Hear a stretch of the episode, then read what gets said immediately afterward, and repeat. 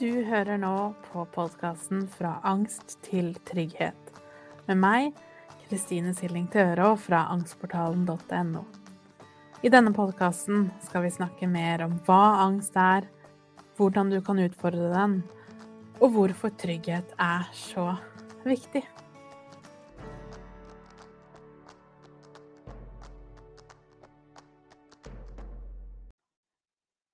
Hei og velkommen til episode 45. Og i dag så skal vi snakke om noe jeg syns er veldig interessant. Og det er nettopp temaet angst og åpenhet. Er det sånn at det at vi får mer åpenhet rundt angsten, er utelukkende positivt? Eller er det også noen negative aspekter det kan være litt viktig å tenke over? Det er dagens tema.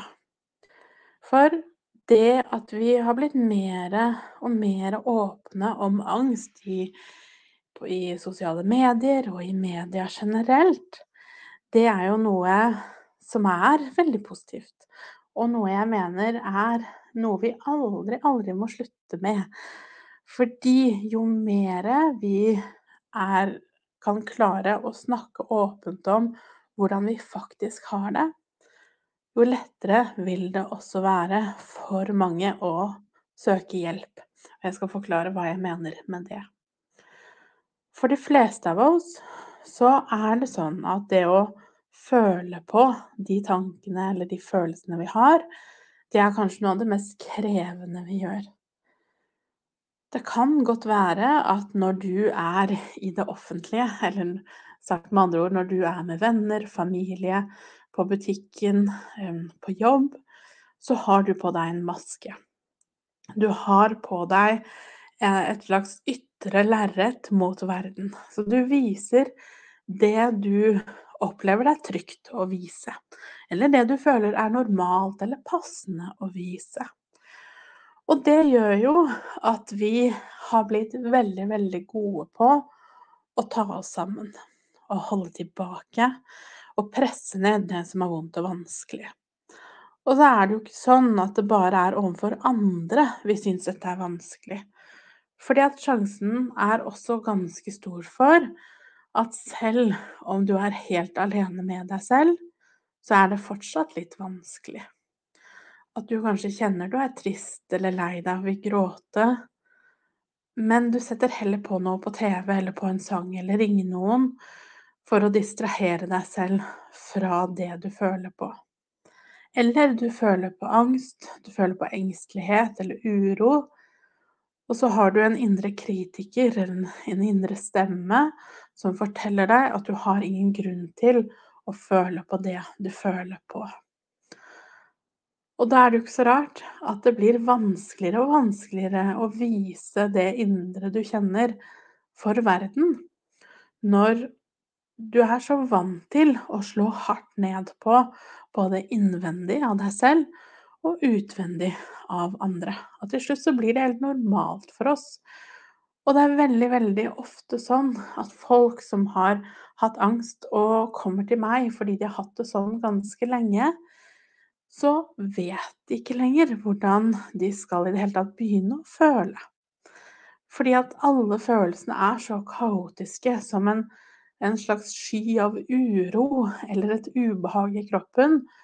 Og det føles helt umulig å forstå at det jeg nå kjenner på, er følelser. Og derfor er åpenhet så viktig. Fordi det er så stor makt i det når du hører om noen som du vet hvem er, kanskje de er kjente i media, eller det er folk du kjenner personlig eller privat, som begynner å sette ord på hva de føler. Og det opplever jeg hele tiden effekten av, nettopp fordi jeg selv er så åpen om egen angst og får tilbakemeldinger fra folk hele tiden om hvor viktig det var for deres prosess. For når vi ser noen som vi liker, som vi, vi ser opp til, eller som vi kjenner, som er åpne om at de også kan ha det vondt og vanskelig, så er det så mye lettere å føle på en slags aksept innover også. For hva hvis det ikke er du som bare er kjempeunormal? Hva hvis det ikke bare er du som ikke får til. For det er så lett å føle på det i angsten, en slags håpløshet over at du alltid føler deg overvelda, eller at livet blir litt mye. At du ikke klarer kanskje helt hverdagslige ting du føler du burde ha klart. At du hele tiden er sliten, utslitt osv. Hva hvis det ikke er sånn at det bare var deg, men plutselig ser du noen på Instagram eller i, på VG eller i andre fora som forteller om akkurat det du kjenner på. Det er en så enorm befrielse i det. Og derfor er åpenhet så utrolig viktig. Men som med alt annet, så er det jo også skyggesider av det.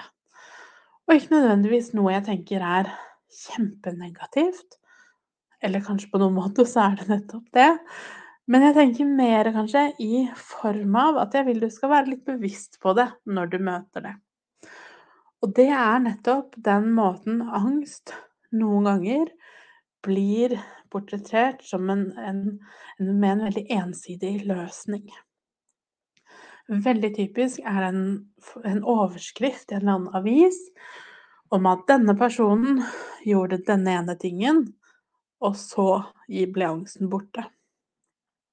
Og det kan være denne personen begynte å jogge, eller begynte å slutte å spise en eller annen matvare eller begynte å legge om kosten, eller begynte med å um, gjøre yoga eller meditere, mindfulness. Begynte å gjøre denne ene tingen, og da ble alt bedre.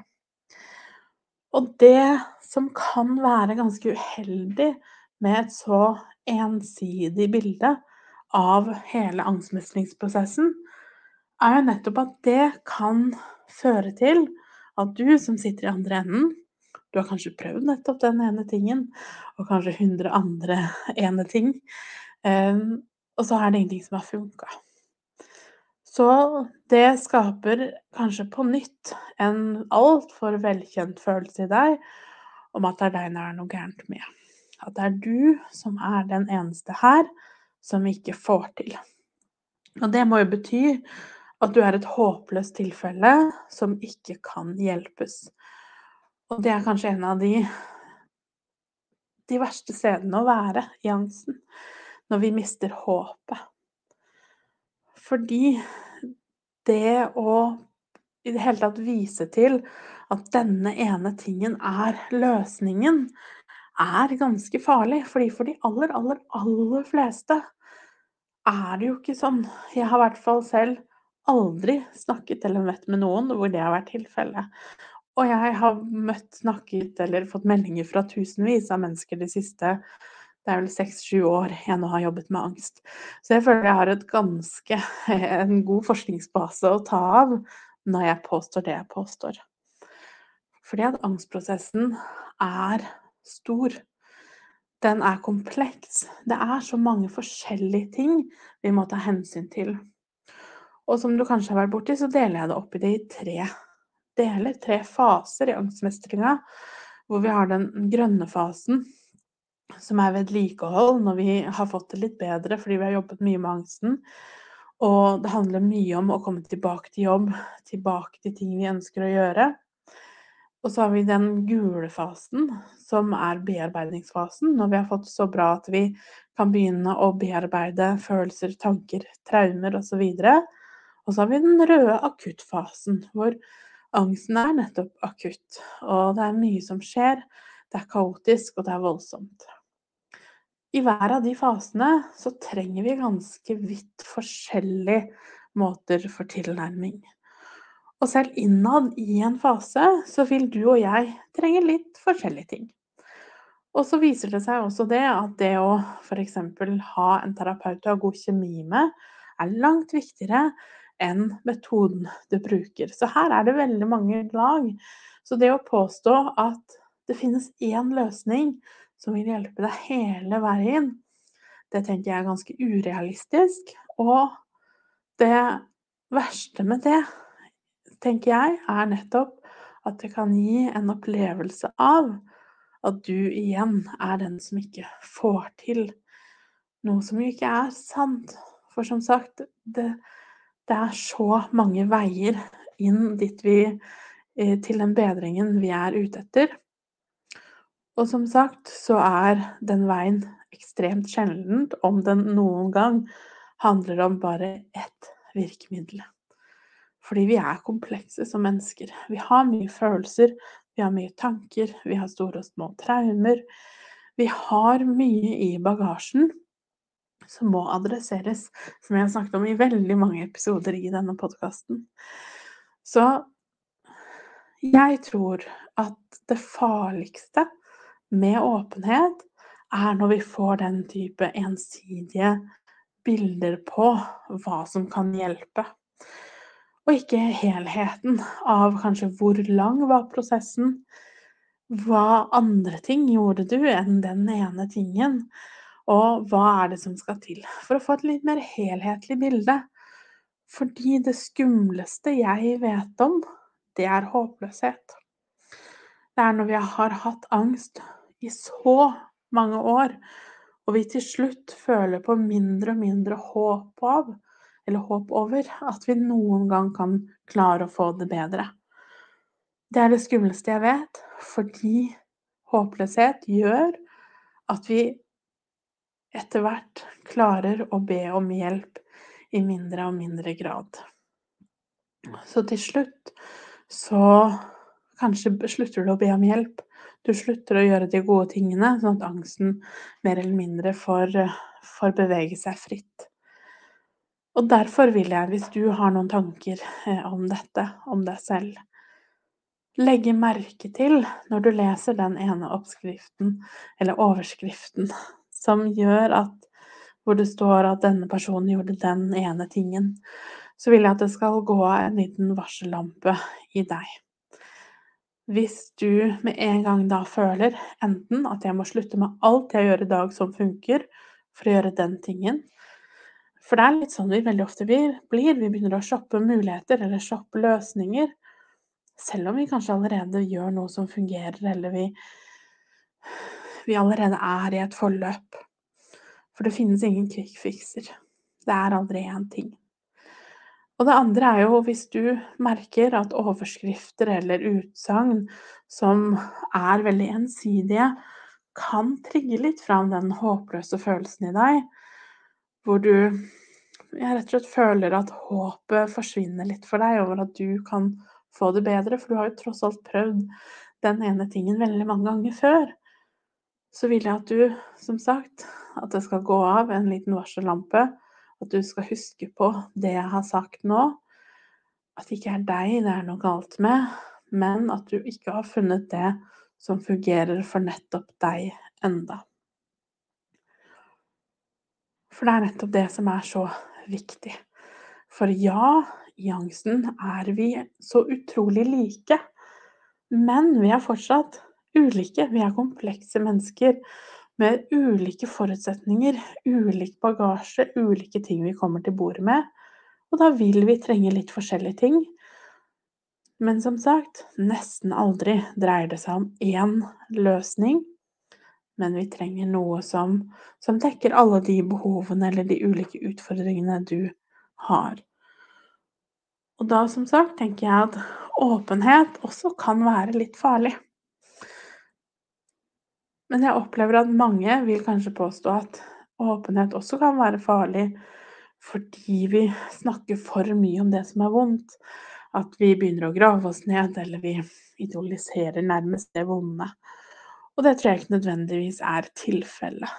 Fordi igjen, det skaper den tanken om at det er farlig å både snakke om og føle på det som, uh, det som gjør vondt at man må være ganske godt utdanna fagpersoner for i det hele tatt få lov til uh, å kunne gå inn og snakke om eller ta på angsten eller det vonde. Hvis ikke så kan det ha store, uheldige konsekvenser. Men det er ikke sånn det er. Fordi dette handler om følelser, og det handler om deg. Og du er den som vet best hva som funker, hva du trenger, og hva du ikke trenger. Selv om vi riktignok midt i angsten kanskje har glemt det litt, og trenger litt ekstra tid og ressurser for å klare å finne fram til det igjen. Så det viktigste av alt er at vi aldri må slutte å dele. I hvert fall ikke den, den delingen som føles bra for oss og deg, for vi skal selvfølgelig ikke behøve å utlevere alt til alle. Vi skal også føle oss trygge i åpenheten. Men det er viktig å snakke om det som er vondt, det som er utfordrende, det som er vanskelig, om alle aspekter i livet.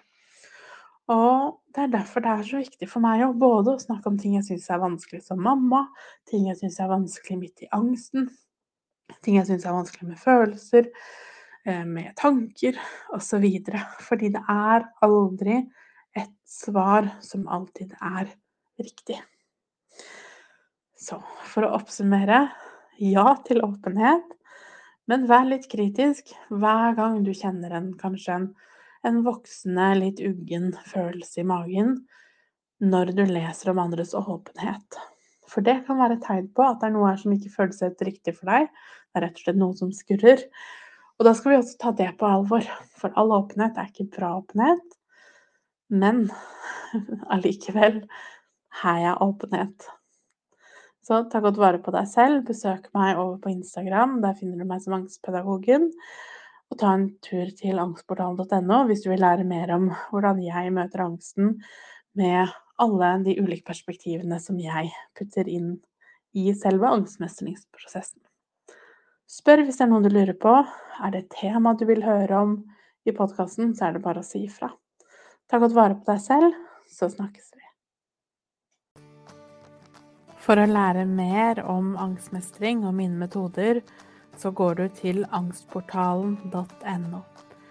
Du finner meg også på Instagram som Angstpedagogen, og på Facebook som angstportalen.no. Der har jeg også en gratis Facebook-gruppe hvis du har lyst til å komme i gang og bli kjent med andre som har det på samme måte.